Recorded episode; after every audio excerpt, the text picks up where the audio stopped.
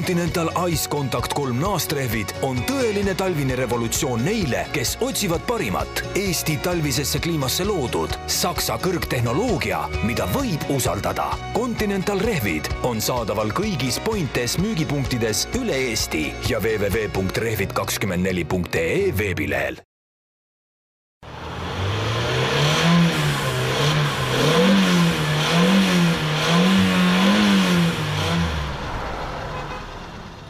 Ilusat kolmapäeva hommikut, äh, oleme siin taas istmesoojendusega mina olen Jan-Mattias Mandri ja täna minuga stuudios üks üllatuskülaline.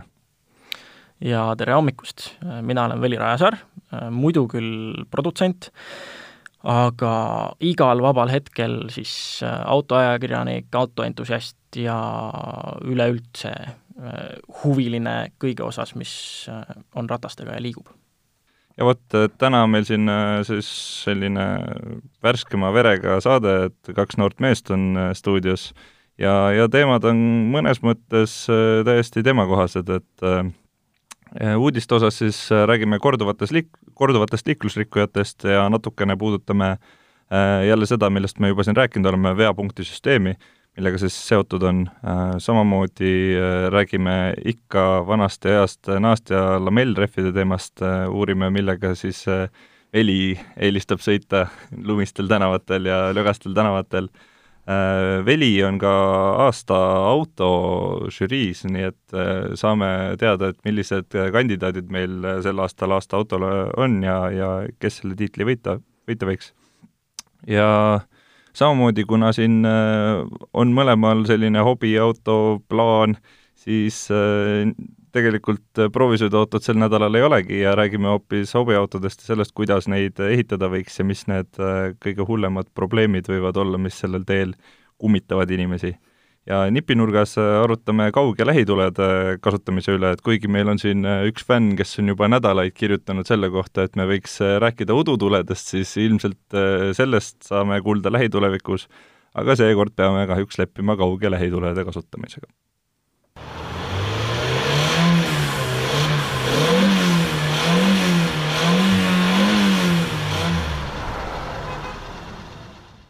siis korduvatest liiklusrikkujatest, et äh, nagu ma siin välja tõin, siis äh, tegelikult äh, PPA on sellest probleemist vägagi teadlik ja nüüd on ka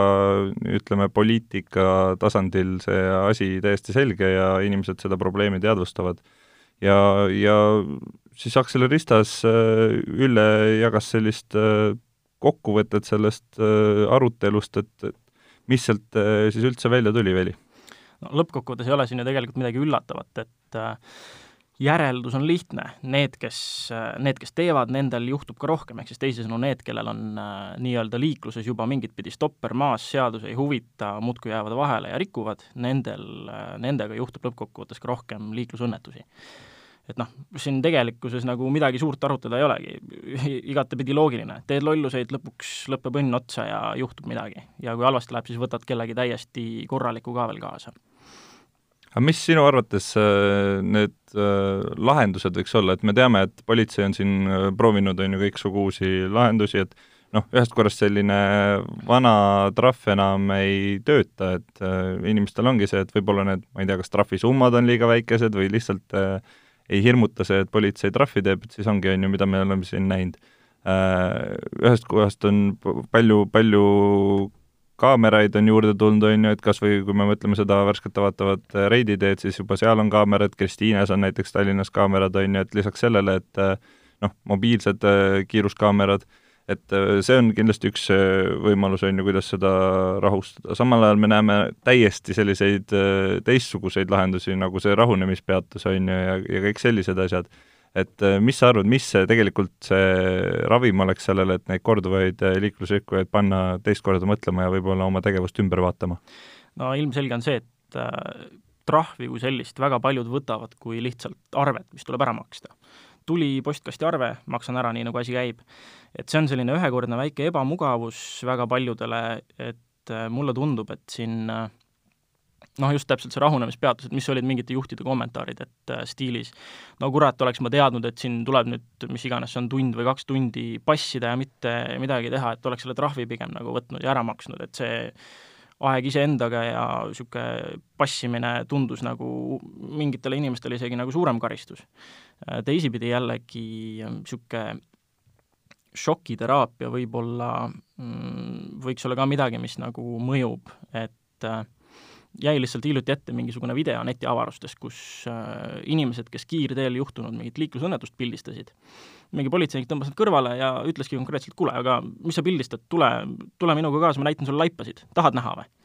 ja väga mitmed inimesed nagu kohkusid selle peale ära, tõmbasid tagasi, mõni astus temaga kolm-neli sammu tagasi ja siis näost valgena mõtles ümber ja tõmbas tagasi, istus oma autosse, vabandas ja sõitis minema. Et nagu sellised äh, ebastandardsed lähenemised võib-olla, mis, mis põhjustavad isiklikku ebamugavust rohkem kui mingi arve maksmine, on, äh, tunduvad mulle vähemasti pigem paremad lahendused. Aga samas see on ka midagi, mida näiteks äh, Maanteeamet ja, ja PPA ja teised, kes teavitustööga tegelevad, on ka teinud ju, et me oleme ju näinud neid reklaame, kus ongi selline võrdlemisi tsenseerimata, et inimene lendab umbes ilma turvavööta pea pooleks läbi esiklaasi, on ju, et et kas sa, kas, kas sa arvad, et sellistest reklaamidest näiteks on kasu? mm,? Nii ja naa raske öelda, jällegi see lävi on inimestel eri kohtade peal, et äh, võib-olla reklaamidega on see mure, et äh, me oleme sellele nii nagu tuimaks muutunud, mida me kusagil ekraani peal näeme. et sellel vaevalt lõppkokkuvõttes mingit efekti on. jah, see võib korra mõtlema panna, aga lõppkokkuvõttes ei muutu midagi enne, kui sinu või sinuga väga lähedal seisva inimese, inimesega juhtub midagi. Et enne, kuni see sind isiklikult nagu niimoodi ei, ei puuduta, mulle tundub tihtilugu ähm, tihtilugu ei toimugi mingit muutust. et korraks on võib-olla ebamugav näha midagi koledat, saada aru, et see on midagi, mis on reaalselt juhtunud, aga kas see nüüd sunnib kedagi oma käitumist muut-, muutma, ma kaldun arvama, et pigem ei ikkagi. Aga teeme äkki omalt poolt ka ühe katse ja vaatame natuke seda, mis sealt äh, statistikast siis välja tuli ja mis seal äh, lõppude lõpuks on olnud. selline nope, mis äh, näiteks mulle silma jäi, on, et kui juht oli toime pannud kolm või enam liiklusalast süütegu, siis põhjustas ta ligi neli koma viis korda sagedamini liiklusõnnetuse kui süütegusid mitte toime pannud sõidukijuht et kuigi see nüüd siin niimoodi paberi peal välja öelduna on selline suhteliselt igav ja, ja kuiv, siis tegelikult see näitab väga hästi, et, et mida rohkem sa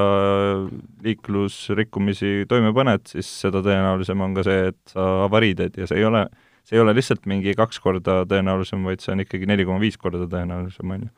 et, et äh, see on kindlasti midagi sellist, mille peale kõik peaksid mõtlema, kellele meeldib nii-öelda piiri peal või isegi üle piiri sõita. Äh, kas sul oli ka midagi, mis sulle silma jäi sealt?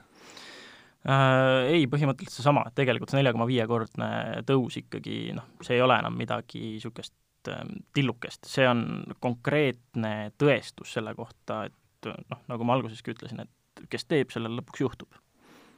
Aga lähme siis järgmise teema juurde ja selleks on äh, naast ja lamellrehvid, et äh, seda on siin juba korralikult jahvatatud ja tegelikult äh, eelmiste saadete tagasiside tõi mõnes mõttes kaasa selle, et kui, kui ma siin ironiseerisin natukene selle üle, et kui, millis, millisesse, millistesse äärmustesse inimesed selle teema koha pealt lähevad ja kui põlema nad võivad minna, siis noh, mõni mees ei saanud sellest irooniast ilmselgelt aru ja arvaski, et, et minu arust ei tohiks mingisugust diskussiooni sellel teemal nagu olla. et tegelikult diskussioon on väga tervitatav ja diskussioonis on loomulikult äh, oodatud osa võtma ka kõik äh, saatekuulajad ja üldse inimesed ühiskonnas. aga küsimus on selles, et äh, kas sellest peab minema nii põlema, et et nüüd mul on naast ja, ja kõik lamellid on see just ongi õige, jah kõik lamellid on täielik jama, kes lamelliga sõidab, on idioot ja vastupidi, et, et mul on lamell ja kõik, kes naastuga sõidavad, on idioot, et no see on nagu religioon juba mingit pidi, jah. aga mulle selle koha pealt esiteks ei tundu üllatav, et äh, eestlased rohkem naastu eelistavad, äh, lamellist ma jällegi saan äh, igakülgselt aru, eriti siis, kui on tegu, on ju, peamiselt linnasõiduga puhastatud teedel asfaldil sõitmisega aga mina isiklikult eelistan naastu ja praktiline pool selles on noh, esiteks ei, ma ei ole osalenud mingites põhjapanevates lamell versus naast nagu testides. et lõppkokkuvõttes see, sellest vahest saaks kõige paremini aru, kui tõesti sa võtadki sama auto, ühel tutikad naastud, teisel tutikad lamellid ja võrdled samades tingimustes, sellistes oludes ma ei ole olnud. küll aga on äh, väga tavaline see situatsioon, et äh, võtad mingi talvise proovisõidu, mingi sportauto, tal on äh, peaaegu alati suhteliselt kindlalt all mingisugused väga hea kvaliteediga tutikad lamellid ja noh, kui on talvine proovisõit, siis nii palju kui võimalust on, eks ma ikka viin ta ka kusagile, kus teda natuke libistada saab. et olgu see siis mingisugune rada või, või jäärada või kas või mingisugune suur tühi plats,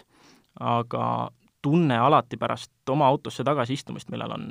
korralik nelikvedu ja naastud, on see, et äh, lamell oli võib-olla kuidagi niisugune nagu, tundus kuidagi nii-öelda nagu ümar, kui ta libisema läks, nagu niisugune juhitavuse koha pealt äh, mitteoptimaalne, pole liha, pole kala. et see on nagu, võib-olla see on tunnetuslik, võib-olla see on mingit sorti platseebo, aga äh, kui efekt lõpuks on see, et ühega ma tunnen ennast kõvasti enesekindlamalt kui teisega, siis äh, noh, siis ma võtan selle platseebo, et lõppkokkuvõttes senikaua, kuni midagi ei juhtu, on nagu kõik korras mõlema rehviga, aga kui asi kusagil ootamatus situatsioonis libisema läheb, siis minu jaoks on tähtis see, et ma saaksin äh, ennast uuesti otseks ja kogu asja kontrolli alla võimalikult kiiresti, nii et ma ei kohtu mingisuguse vastutuleva liiklejaga või ei lõpeta kraavis. ja naastuga paraku on mul isiklikult see tunne, et, äh, et seda täpsust ja kontrolli libisema minnes ja juhitavust äh, taastades või seda autot otseks suunates on nagu rohkem mina kui keegi, kes on nüüd mitu aega juba lamelliga sõitnud, ütleksin, et äh, jah, mingil, mingil määral on sul kindlasti õigus, et ütleme, sellise päris libeda peal või kuskil platsi peal või niimoodi, siis ilmselt on, on Astul mingisugune eelis. aga, aga samal ajal on ka, ütleme, sellised noh, lamell ongi selline kuldne kesktee minu arust. et ühest küljest on see, et sa ei pea teda tormama vahetama siis, kui vaja on, on ju, et saadki ta panna alla enne, siis kui järjekordi ei ole, ja pärast võtta ära siis, kui järjekordi ei ole. et see on üks äh, väga oluline nagu argument, miks ma ise lamelli valisin. teisest küljest ongi see, et, et noh, need sõiduvõtted, et kui sa, kui sa sõidad ettevaatlikult linnas või sõidad väikestel kiirustel, siis ei ole tegelikult, see vahe ei ole nii suur, samal ajal kui sa sõidad tõesti, ütleme, saja kuuekümnega kusagil, siis ei ole ka siis ei ole ka enam see vahe nii suur, et tegelikult ei ole, ei ole, ei ole kummaski selles olukorras, ei ole, ei ole mingit eelist väga kummalgi, et äh, kui sa sõidad linnas ja aeglaselt, siis ei ole vahet, kas sul on all lamell või naast ja, ja kui sa sõidad kuskil äh, autobaani peal kahesajaga ja lumi on maas, siis ei ole ka vahet, kumb sul all on, et ühesõnaga lõppko lõppkokkuvõte on ikkagi see, et, et äh, tuleb vaadata, et kus ja kuidas sõita ja, ja siis tegelikult ei ole ka mingit vahet, kumb rehv sul all on, niikaua kuni ta on -hmm. korralik rehv, kuni sa oled vaadanud, et, et mustrit on, kuni sa oled vaadanud, et naastud ei ole jooksu pannud ja, ja nii edasi, et, et see on tegelikult äh, kõige olulisem minu arust kogu selle tulise väitluse taustal, see nii-öelda ka ja, samamoodi ja. kuldne kesktee. noh, fakt on see jah, et äh, eks see on see koolkonna vahe ja, ja kõik sellised noh, nagu sai mainitud, kergelt pidi nagu religioon äh, aga fakt on see tõesti, et kui sul on nagu uus, mis iganes, ükskõik kumb rehv ja korralikult mustrit ja sa ei sõida nagu lollakas, siis tõesti nagu suure tõenäosusega ei ole mitte mingisugust vahet lõppkokkuvõttes.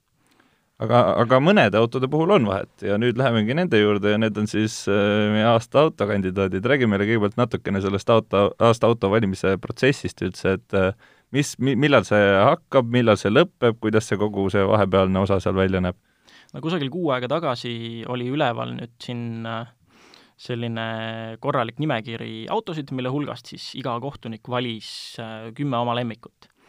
ja nendest omakorda siis sorteeriti välja lõppkokkuvõttes siis äh, kuus tükki, mille hulgast nüüd aasta auto valitakse ja protsess selles mõttes oli lihtne, et üks äh, suur sõidupäev, kus osalesid kõik kohtunikud äh,, kõik äh, finalistid olid kohal äh,, kõik sõitsid kõik masinad läbi ja panid oma nimekirja selle põhjal kokku ja ja enamjaolt on see, et tegelikult kõik äh, ajakirjanikud on nende autodega ka pikemat proovisõitu nii-öelda üks-ühele juba teinud, et äh, et see oli lihtsalt selline emotsioonide ja mõtete kogumise päev, äh, või isegi mitte kogumise, vaid värskendamise, et sul tuleks meelde, et kuidas mingisugune masin oli. et nüüd, kui nendest masinatest rääkida, siis äh, lõppkuuikusse jäid meil siis äh, Audi e-tron, uus BMW kolmas seeria, Kiia Exceed, Mazda kolm, Toyota RAV4 ja uus Renault Clio. ja selles mõttes nagu pean ausalt tunnistama, et natuke kurb on sellest, kuigi ma saan loogikast aru, aga tõesti on natuke kurb sellest, et Toyota Supra sinna esikuue kuuikusse ei ei platseerunud, sest et nii palju, kui teistega räägitud sai, siis peaaegu kõik panid ta oma esikümnesse ikkagi selle aasta autodest aga lõppkokkuvõttes see esikuuik ikkagi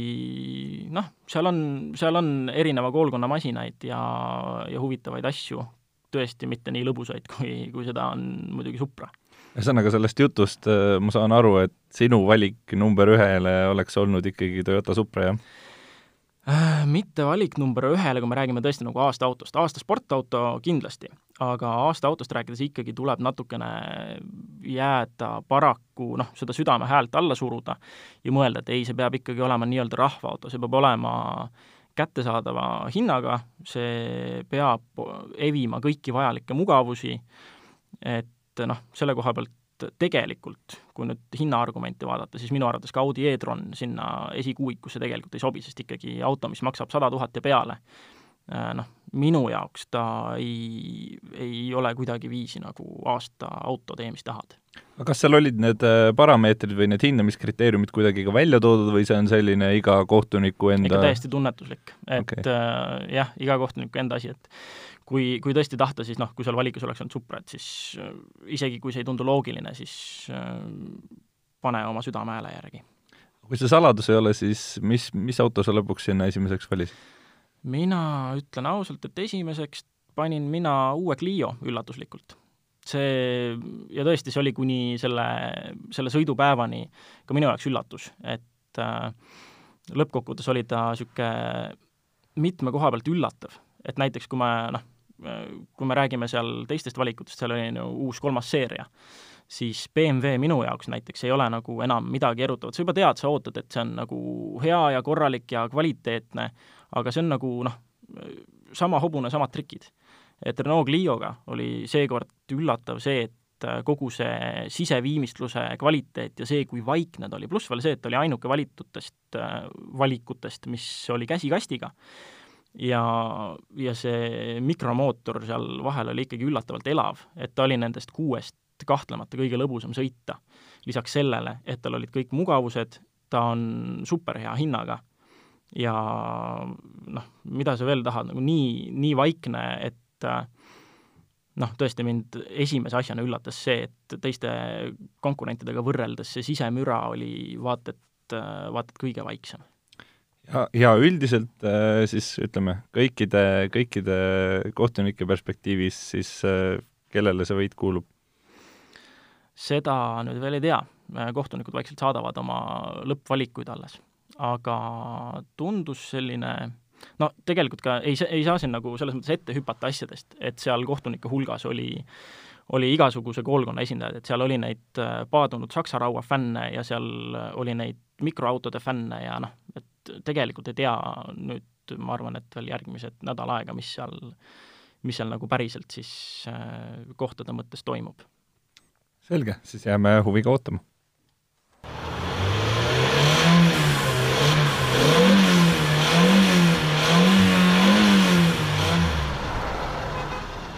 ja selli-, seekord siis oleme lahendanud selle proovisõidu sellise natukene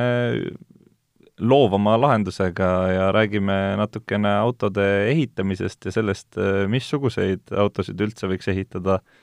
kuidas seda teha ja, ja mis need probleemid on. ma alustuseks räägin kohe ühe naljaka probleemloo või noh, ma ei tea, kas see nüüd kindlasti mõnele on kurb, mõnele on naljakas, kuidas mu sõber siin paar nädalat tagasi otsustas endale tuua ühe BMW Saksamaalt, et kui lugu niimoodi hakkab, siis on juba teada, et tõenäoliselt on see üks huvitav lugu selline BMW nagu üks kaks kolm D peaks olema väga töökindla mootoriga, kupee, kahekohaline, selline sportlik, äh, lõbus äh, ütleme, mänguasi. ja, ja, ja see hinnaklass oli ka tegelikult väga odav, äh, ütleme, täpset hinda ma ei mäleta, aga see oli kindlasti alla kümne tuhande euro. Plaan oli selline, et lendab ise Saksamaale kohale, ostab auto ära ja sõidab sellega sealt tagasi ja see, ja see plaan sai esimesed kaikad kodarasse kuskil Poolas, kui auto lihtsalt üks hetk otsustas, et tema enam, enam Eesti poole minna ei taha. ja, ja kogu aga tagasi Saksamaa poole oli nõus minema tagasi Saksamaa poole ma ei tea, ma ei, ma ei tea, kas nad proovisid, aga, aga võib-olla oleks olnud tagasi Saksa poole nõus minema. ja, ja kogu saaga lõppes siis sellega, et tuli äh, Eestist äh, tellida treiler järgi ja, ja nüüd on auto ilusti Eestis ja remondis ja omaniku rahakott põhimõtteliselt tühi, jah? Äh, jah, ütleme niimoodi, et ees ootas mootorivahetus et, et see on selline, ütleme, klassikaline lugu selliste hobiautode või, või äh, natukene selliste kiiksuga ja teistsuguste autode ehitamise vallast. Äh, kuidas sinuga on, mitu hobiautot või sellist enda huviks autot sa üldse oled ehitanud? Äh, nüüd on mul käsil äh, teine auto ja tundub, et nüüd siin äh, detsembri jooksul tuleb ka kolmas nii-öelda päris hobiauto, sest need esimesed kaks tükki on ikkagi olnud tegelikult tegelikult igapäevasõiduautod. et esimese puhul alguses, kuna ta oli nii uus, ikkagi kahe tuhande viieteistkümnenda aasta Subaru STi, et siis, siis tema puhul lihtsalt alguses,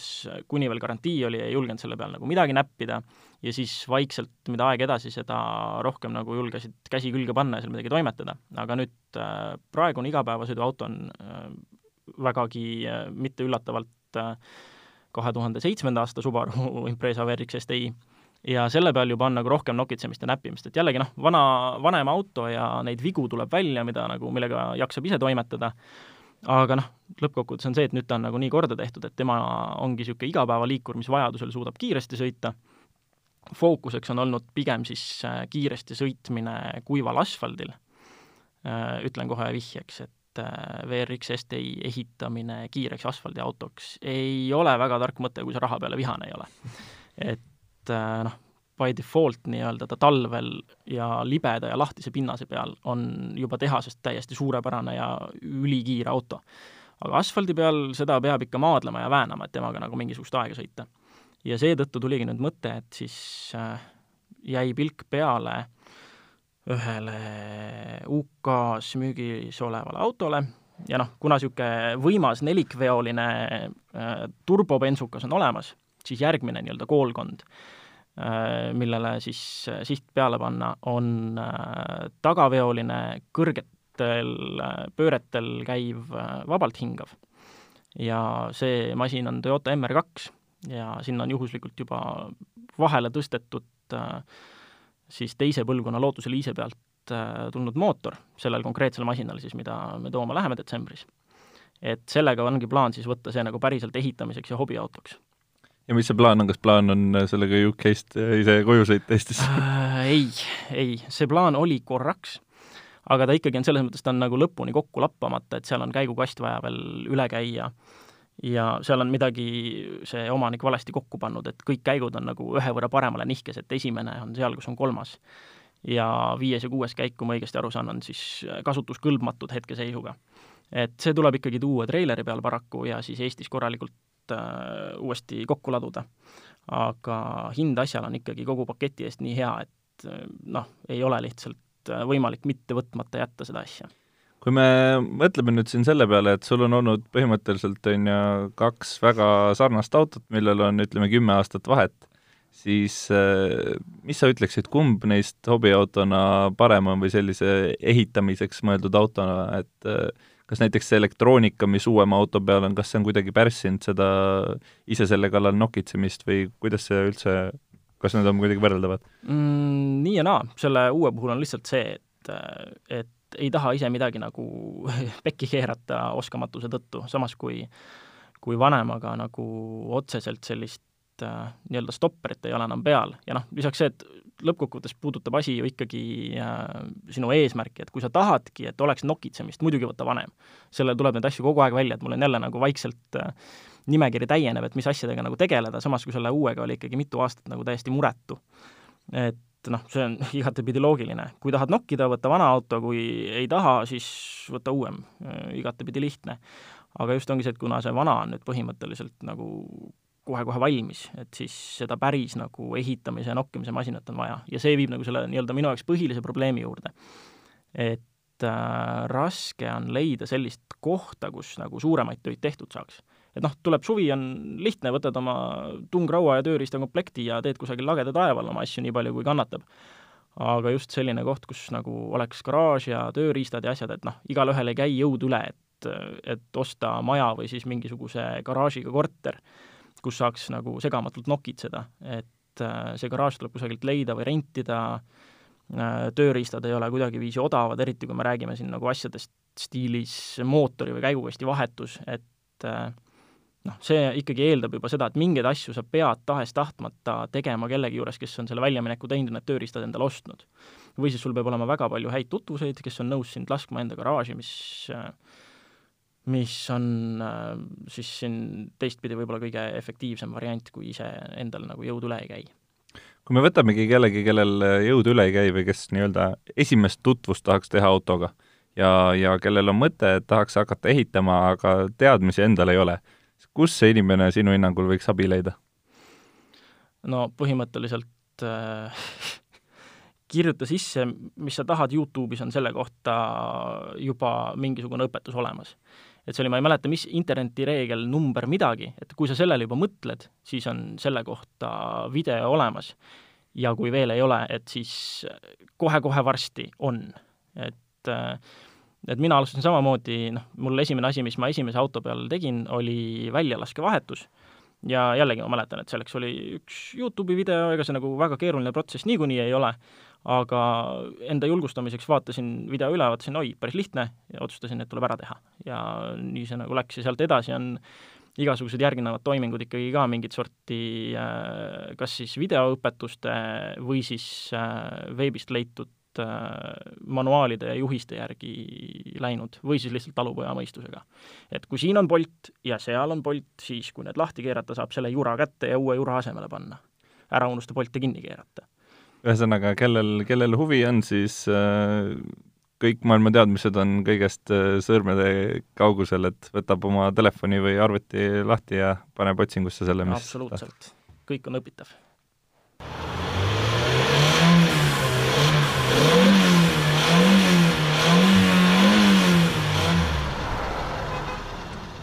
kuna siin talvine aeg on kätte jõudmas, siis on äh, ka palju seda, et äh, inimesed üha enam kasutavad tulesid, kuna, kuna väljas on äh,